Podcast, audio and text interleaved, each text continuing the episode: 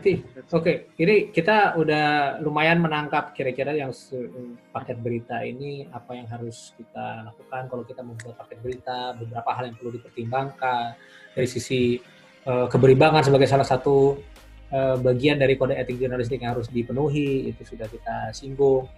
Uh, tapi mungkin kita perlu bicara lebih banyak mengenai uh, rating dan share, tapi mungkin bukan sekarang saatnya.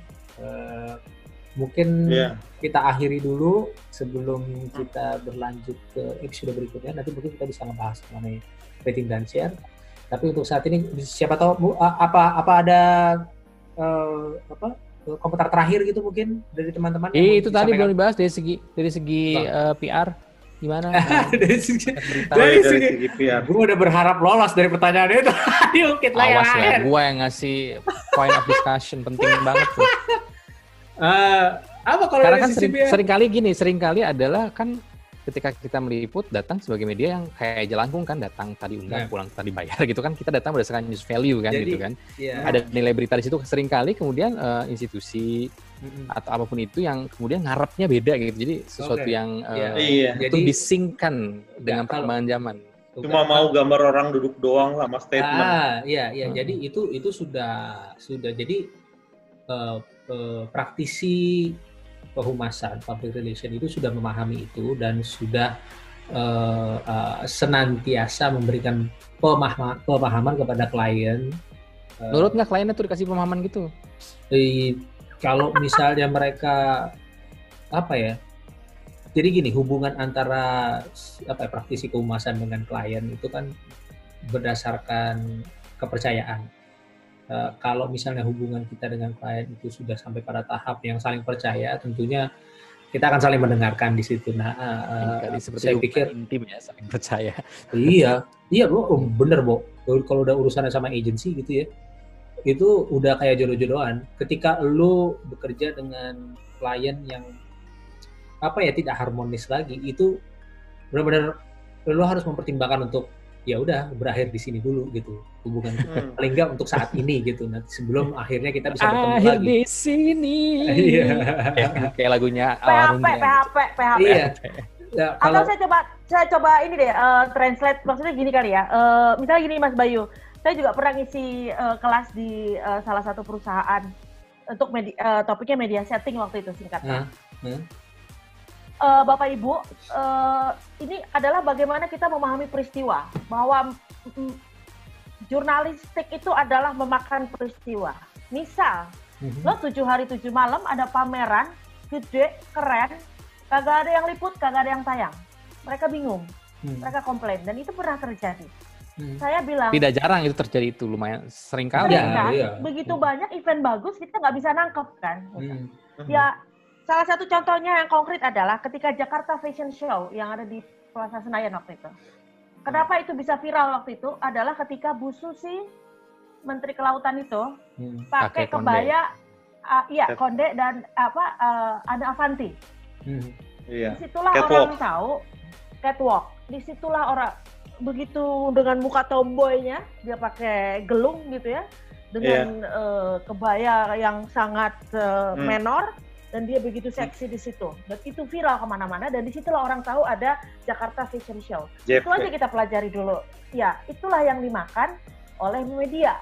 Nggak bisa hmm. loh tujuh hari tujuh malam setiap hari siaran pers setiap hari nggak ada agenda apa-apa. Oh, yes. wartawan silahkan gratis masuk yes. silahkan ngambil uh, gambar uh, kain lah gambar uh, apa cangkir dari ribuan tahun lalu lah atau buku yang sudah hampir hancur lah it's not a story anymore gitu ya itu bukan yeah. story at all dan itu bukan yes. peristiwa nah itu yang harus dipahami klien-klien ini waktu waktu itu saya ajarin seperti itu setiap hari dong bikin bikin uh, bikin peristiwa gitu ya hmm. Iya di setting hmm. itu yang namanya media setting itu hmm. gak usah di setting hmm. jurnalis pun datang apalagi anak-anak foto tuh anak-anak foto tuh uh. udah tahu tahu kan yang di waktu di HI waktu itu hmm. mau ke mana wah ada pameran mobil dari apalah dari Pangeran Charles lah, apalah segala macem. Hmm. Dan gambarnya memang bagus. Jadi setiap hari itu harus ada peristiwa. Pameran nggak bisa cuma di uh, sediakan ruang kecil, terus kita bisa duduk di situ, terus apa isinya? Cuman crowded bahwa setiap hmm. hari pengunjung sekian, uh, pengeluaran hmm. sekian, pemasukan sekian. no it's not a story gitu story itu adalah yaitu Bu Susi pakai baju Anavanti gitu ya terus atau misalnya uh, ibu negara pakai baju tradisional mana gitu ya hmm. dan salah satu kesuksesan Pak Jokowi adalah 17-an tidak ada jas tidak ada random batik lagi tapi udah pakaian tradisional itu Maaf, bagi saya, saya MC-nya. siap yeah. nah, ya Acil ada di situ kan yeah. di TV 72 di, itu itu bayangin medsos non medsos itu rame karena apa karena yeah. di situlah ada peristiwa ada gambar nah ini yang yes. Klien-klien ini klien-klien Mas Bayu maksudnya bukan klien saya gitu ya. Itu yang harus dipahami. Jadi nggak nggak nggak nggak bisa lagi cuman ya ini dibuka sama presiden dan wapres loh. So what? Kita setiap hari setiap hari udah ngobrol pak sama wapres sama presiden tuh. Wartawan biasa nyebut oh iya kemarin ketemu presiden. Yeah. itu biasa banget. Tapi bagaimana peristiwa itu di create yeah, itu ya yeah, memang. yeah. Konten kreator sih kerjaannya gitu. Yeah. Itu aja sih Mas Bayu mungkin itu bisa jadi yeah. translate ya It, antara yeah. apa yang dimaksud Acir sama yang itu. ingin Mas Bayu yeah. sampaikan. Iya, kurang gitu. kurang lebih sih udah udah dipahami sih sama praktisi humas soal itu. It's a matter of cuman masalah bagaimana kita bisa meyakinkan klien bahwa apa yang uh, kita tawarkan untuk dilakukan itu sesuai oh. dengan agenda mereka gitu, sesuai dengan uh, apa ya uh, niat dari apa yang mereka ingin sampaikan kepada publik melalui media. Itu aja sih. Betul. Betul. Gitu. Jadi saya selalu katakan kalau ada isi-isi pengisi acara di acara-acara swasta, eh, perusahaan swasta itu adalah kesempatan bagus saya bahwa saya ingin mengatakan udah nggak zaman lagi ya bapak ibu ngirim email lo ngirim press release terus berharap kita tayang itu hmm. udah nggak zaman lagi sekarang tuh kita harus pakai yaitu konten kreator itu aja sih. Ya masih, sampai yang... sekarang gue masih nerima tuh dari institusi besar ah, gitu yang uh, uh, ini bulan ini penjualannya segini. Heh, ini TV yeah. cuy bukan iya. gitu. Ya, benar. Oh, tayang pakai foto dua biji, gimana gitu kan. Benar, benar. Contoh. oh paling kadang hmm. Ya, kalaupun misalnya mau begitu ya, Cir, hmm. tolonglah hmm. Uh, gambar itu atau video itu disesuaikan dengan selera pers gitu ya. Kayak misalnya pameran apa di London atau di uh, Eropa kan kita nggak bisa ke sana kan, eh, nggak uh, hmm. diundang maksudnya gitu ya. Uh, terus nggak nyinyir loh beneran ini nggak diundang. nah terus uh, Nah terus kalau misalnya nggak uh, uh, diajak, nah kalau misalnya ada video yang memang bisa fit in dengan selera hmm. uh, uh, uh, news, itu biasanya kan bisa aja ditayang-tayangin kayak kayak gitu gitu. Jadi hmm. itu juga satu satu hal ini sih PR banget ya nggak selesai-selesai komunikasinya dalam hal itu kayak gitu. Nah main okay. dikit, nih ya. gua, gua uh, jadi kayak bongkar cerita dikit ya. Jadi ada masanya ada satu pernah inget nggak ada berita emas Hello Kitty dibawa ke Jepang gitu kan dari Antam. Uh, hmm. Well, uh, I could say that I was the mastermind of it ya gitu satunya gitu. itu salah satu dari segi berita. Tapi gue nggak mau lakukan saat itu tidak melakukan uh, insider trading lah istilahnya membisniskan. Karena kebetulan itu uh, orang-orang Antam itu alumni-alumni kampus gue, kampus kampus Gajah Duduk. Terus mereka bingung gimana ya gitu. Gue dipanggil untuk diajak hmm. ngobrol dengan PN gue disclaimer dari awal oke, okay, buka, gue bukan agency, gue bilang, gue punya ide dan gue kasih eh, news angle, news value seperti yang Kavia bilang, dan lu harus nurut sama gue. Jadi pokok disclaimer pertamanya udah gue bilang kayak gitu gitu. Memang harus jadi, gitu kayaknya, lo harus nurut sama gue gitu, bener? Iya, karena gue bukan agency, jadi waktu itu kalau Kabayu kan eh, dengan bijaknya karena memang posisinya sebagai PR, dia akan selalu gitu ya, disampaikan, lalu uh, bagaimana pihak perusahaan akan me, apa, mencerna dan kemudian kembali bagaimana perusahaan itu yang kemudian menginginkan. Kalau gue ketika hmm. diajak itu, lu harus ngikutin gue. Itu udah gue udah bilang kurang lebih disclaimer kayak gitu. Jadi hmm. sampai yang kayak gini. Ini uh, menarik nih nilai beritanya. Hello Kitty, Hello Kitty ini sesuatu yang top of mind orang-orang, gue bilang gitu. Antam bikin ini, kita masukkan unsur rasionalismenya gitu adalah mengekspor emas ke luar negeri gitu kan. Bahwa ujung pangkalnya bahwa Hello Kitty ini karena ter, apa masih tersangkut dengan soal izin jadi nggak bisa dijual Indonesia kita bisa angle ambil angle pariwisata gitu sambil petik Jepang beli emas Hello Kitty di sana misal gitu ada hmm. angle kemudian bisa ini jadikan sebagai mahar perkawinan dari anak-anak milenial sekarang gitu kan contohnya uh, sampai kemudian tapi kita butuh visual gitu. Nah si si orang PR-nya apalah yang manajer itu udah sampai sempat, waduh kita udah ngomongnya udah barrier duluan tuh. Uh, apa namanya uh, gak bisa tuh gambarnya masuk ke dalam. Entar dulu gue bilang, lu coba lu cerita. Uh, uh, flowchart nyetak emas nih dari A to Z kayak gimana gitu kan gini. Ya itu tuh butuh dibantu kayak gitu karena memang ya itu tadi mereka tidak dalam konteks uh, kacamata media. Sampai gue bilang gini, oke okay, sampai sini boleh nggak nih ngambil gambar sampai sini, boleh nggak ngambil gambar sini. Nah, akhirnya mereka nurut lah sedikit banyak gitu. Walaupun di titik ada di titik gini, lu mau masuk media mana aja, gue bilang gitu kan. Uh, saya mau kemudian uh, tetap gitu sebagai klien, uh, mereka halu sebagai klien gitu kan. Padahal gue bukan uh, si agensinya gitu kan. Gue pingin masuk ke TV ini ini ini, ini gitu. Waktu itu uh, gue berpikir gini kan sekarang udah era online. Lu nggak mau masuk line today ya yang kurasinya kemudian rame. Yang nggak minta ya gak gue wasain nggak gue usahain gitu untuk kemudian ngabarin gitu kan. Sehingga cerita akhirnya uh, gue bantu untuk kemudian lempar-lempar ini lempar-lempar uh, ngabarin aja gitu buat tidak bermain uang di situ gitu. Cuma emang memberikan informasi bis value kasih tahu koordinat-koordinat yang emang lagi megang gitu kan. Ternyata ya datang ke situ ke semua hmm. meliput jadi viral begitu. Karena ya menarik hmm. isunya kan gitu Mas Hello Kitty gitu kan ternyata dibuat oleh Antam gitu jadi tidak hanya sekedar terbatas ditayang di televisi tapi kemudian media hmm. online dari grup-grup ini juga menaikkan beritanya dan bahkan blog-blog dan segala macam segala macam itu sampai ujung-ujung melakukan uh, apa replikasi terhadap informasi itu tadi gitu dan dan ya menurut uh, gue sih apa yang dilakukan oleh Mas Bayu sebagai PR udah benar gitu tapi memang seperti yang Kafira juga bilang bahwa ternyata hmm, udah benar ada kesempatan-kesempatan ketika bertemu dengan diundang makan-makan atau apa untuk ngasih tahu message uh, hidden message bukan hidden message ya subliminal message bahwa ayo uh, harus tahu harus kemudian peka terhadap news angle, news value bukan berarti juga harus nurut sama media terus ya, cuma kan harus apa namanya berjalan seiringan sehingga masuk semua kepentingan gitu kan intinya begitu sih. Gue sih case tadinya itu jadi Hello Kitty ke Jepang, uh, that was me ya. uh, tayang di mana-mana. Dan kebetulan Bener, uh, iya. Nggak ada di tweetnya. Nggak ada. Kalau nggak mas-masnya, mas, mas, mas, mas-masnya adanya. Masnya kayaknya adanya. Dan sebenarnya eh, sedikit lagi, sedikit lagi. Terus gue kesel lagi nih. Waduh mas, makasih banget ya. Kita dibantuin udahnya tuh ya di WhatsApp, di, kan bikin grup gitu. Soalnya kita kalau bisa bikin kayak gini, biasanya katanya gitu, uh, melakukan aktivasi misalkan uh, dengan konser mengundang artis, ya tuh minimal keluar 250 juta, terus hasilnya nggak ada. gue bilang sial nih, gue bilang gitu. Harus membuat gue lu, duitnya lu gitu. Dong. Lu nagih lu bang. Ya udah bayar gue berapa deh? ya, nah, adanya mas-masnya. Uh, uh, uh. Nah terus uh, kesannya itu uh, private sector itu sangat bermusuhan dengan nilai-nilai human right misalnya seperti itu. Padahal tuh enggak enggak ya gitu. Enggak juga gitu. Enggak, enggak juga ketika saya uh, waktu itu ikut uh, fellowship tentang uh, HAM dan bisnis gitu ya. Ternyata ketika kita breakdown begitu banyak hal yang bisa dijual, dijual oleh para private sector ini gitu ya. Saya yakin di setiap perusahaan-perusahaan besar, klien-klien Mas Bayu misalnya gitu ya, itu pasti ada yang memperkerjakan difabel, pasti ada memperkerjakan berapa persen perempuan, itu masalah gender. Bagaimana keamanan uh, apa pengamanan dari uh, harassment, sexual harassment atau bagaimana saya pernah liputan kecap uh, apa itu korma ya, cap korma apa namanya?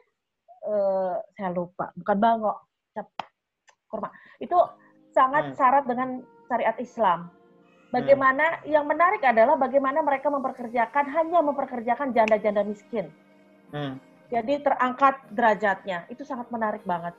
Terus bagaimana mereka uh, apa namanya eh, dua setengah persennya di, di, diberikan zakat dan ternyata ya mereka bukan yang besar gitu ya yang ada di Wall of Fame atau di uh, apa namanya bursa efek New York atau mana gitu enggak. Tapi ya apa ya kalau kata orang mah damai aman tentram gitu ya. Itu story story kan itu private sector yang sangat menarik sebenarnya. Nggak hanya uang yang ada di dalam situ tapi jualannya itu bisa dari banyak sisi.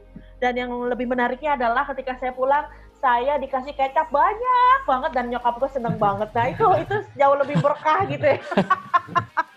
Dan itu jadi kesannya human right itu sangat bermusuhan sama uh, bisnis Betul. padahal enggak begitu banyak hal di dalam private sector saya yakin bisa banget dijual gitu ya walaupun yeah. ya mungkin di perburuhannya bermasalah apa segala macam cuman hmm. sebagai konsultan kalau sebagai konsultan saya yakin banyak hal yang bisa ditawarkan ke hmm. media. Nah, agree, itu agree. Memang, memang banyak yang bisa di apa ya? Uh, banyak hal yang bisa di uh, kita kerjakan bersama dengan media untuk iya. menghasilkan suatu story yang mungkin bermanfaat untuk pembaca atau penonton dari medianya. Iya, positif juga, story ya. Iya. sejalan ya, dengan apa yang ingin disampaikan oleh perusahaan. Oke, okay, baiklah. Oke. Okay. Kalau misalnya Benar, tidak seru. ada, ya seru. Thank you. Yo, apa? Closing ya, seperti biasa. Emphasizing statement, emphasizing ada yang mau disampaikan untuk emphasize atau segala macam. Silakan loh. Uh, Bang dari gua dulu ya. Uh, ya. Cuma nge-reference lagi aja bahwa paket berita di TV itu penting banget pada akhirnya balik ke definisi ulang bahwa package of the story, story adalah kisah, jadi berkisahlah dengan cara apa pun, dengan kelengkapan yang dimiliki, dan musik itu salah satu yang akhirnya menjadi sebuah pilihan untuk menyempurnakan dalam rangka news orgasm ya, orgasme dalam menonton berita itu tadi, seperti kata Kapia tadi ngelihat Sulami, orgasme kesedihan, ikut menangis, gitu kan. Begitu iya. berita, berita berikutnya ternyata rumah sakit menjemput Sulami, ikut bahagia, gitu kan, gitu. Hmm. Dengan narasi, dengan uh, sound up, dengan natural sound, dengan musik itu bisa dimainkan paket berita. Dan penekanan lebih ke arah yang dari angle digital gue adalah, ayo kemasan terus diolah, begitu. Jangan kemudian terpaku sudah merasa berhasil dengan sebuah kemasan yang pernah menjadi pendapat puncak rating share itu nggak berarti, gitu. karena sekarang eh, zaman juga terus berubah. Kemudian planet-planet uh, digital bermunculan seperti Instagram, uh, YouTube, Twitter, lain-lain juga tetap butuh di feed ya informasi berita yang kemudian dengan prinsip jurnalisme tidak di, dilanggar, tetap dijalankan, tapi kemasan yang diubah. Itu sih closing statement gua untuk paket okay. of story. Mungkin Bapak Carlos mau menyambung? Oh ya, uh, uh, artinya uh, dari semua itu juga uh, harus pilih, kita harus pilih apa namanya? Harus pilih uh, frase atau kata-kata atau ungkapan yang memang yang memang kita mau tekankan jadi punch jadi punch wordnya gitu. Ya. Aku ingat ada salah satu senior yang memang dubbing dubbing dubbing paketnya juga punya suara yang khas dan apa yang mau dia sampaikan di pertama itu adalah dagingnya seperti bilang lilin lilin ini tidak akan pernah menyala. Ah, gitu. Jadi jadi Abbas ya, ya. lilin lilin ini dia tidak pernah atau ada dibikin apa dibikin satu apa human example terus disebut namanya Pak ini tidak pernah membayangkan. Nah kira-kira kayak gitu. Jadi artinya eh, seperti itu juga eh, bikin bangun bikin bangun ya. orang. Tapi sekali lagi kalau aku tekankan eh, itu tadi. Kalau memang punya video uh, punya video video yang good apa ya. yang good ya visual yang good roll saja itu orang pasti akan nonton. Dan lagi-lagi eh, apa namanya satu yang uh, nilai paling nilai paling tinggi di atas semuanya adalah semuanya balik ke humanism ya. Humanism. Bagaimana kemudian rekaman kemarin ya? Mungkin mungkin orang ngelihat sebelah mata eh, apa namanya eh, yang ada sekitar 94 uh, pengungsi dari apa tuh dari Rohingya, Rohingya. itu terkatung-katung di di Aceh ya. Tapi tadinya ya produser udah ngantuk kan mau bikin VO aja. Enggak enggak. Saya bi saya bilang saya bikin paket gitu ya. Karena apa? Saya tahu. Di di di gambar itu aduh di hati saya itu humanism itu di atas segalanya.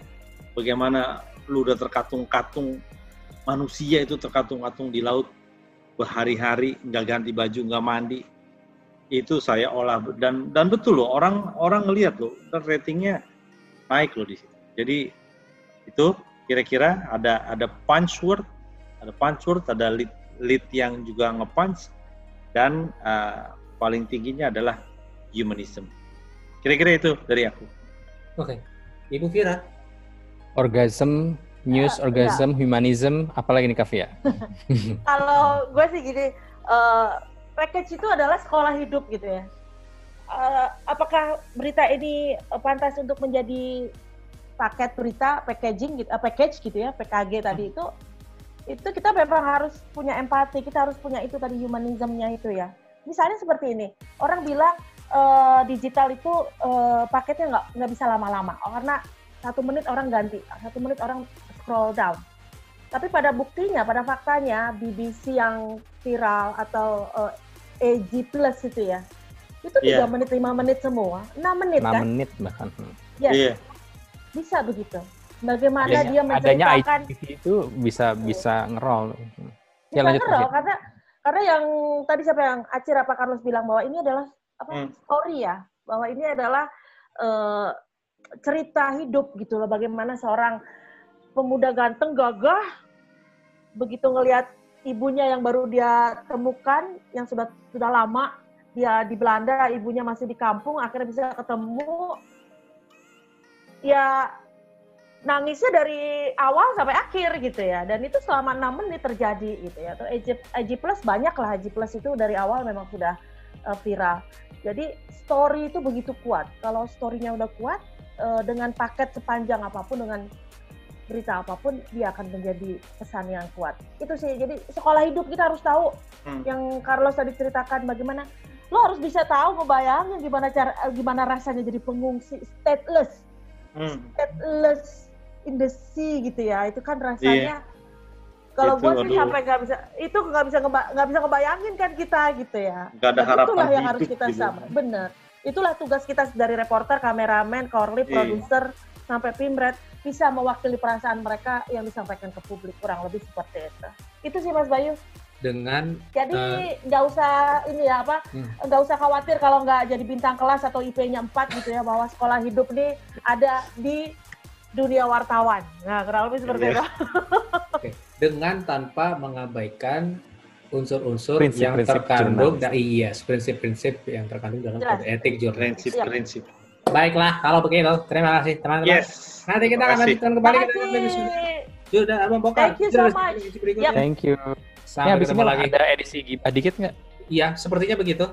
Yeah. Jadi uh, recordingnya kita ketemu lagi ya. Dulu. Kita sudahi okay. dulu. Oke, okay. dulu. Oke, baiklah. Kita sudahi dulu. Oke. Okay. Sampai jumpa. Thank you. Sampai jumpa. Thank you. Ya, yeah, thank you.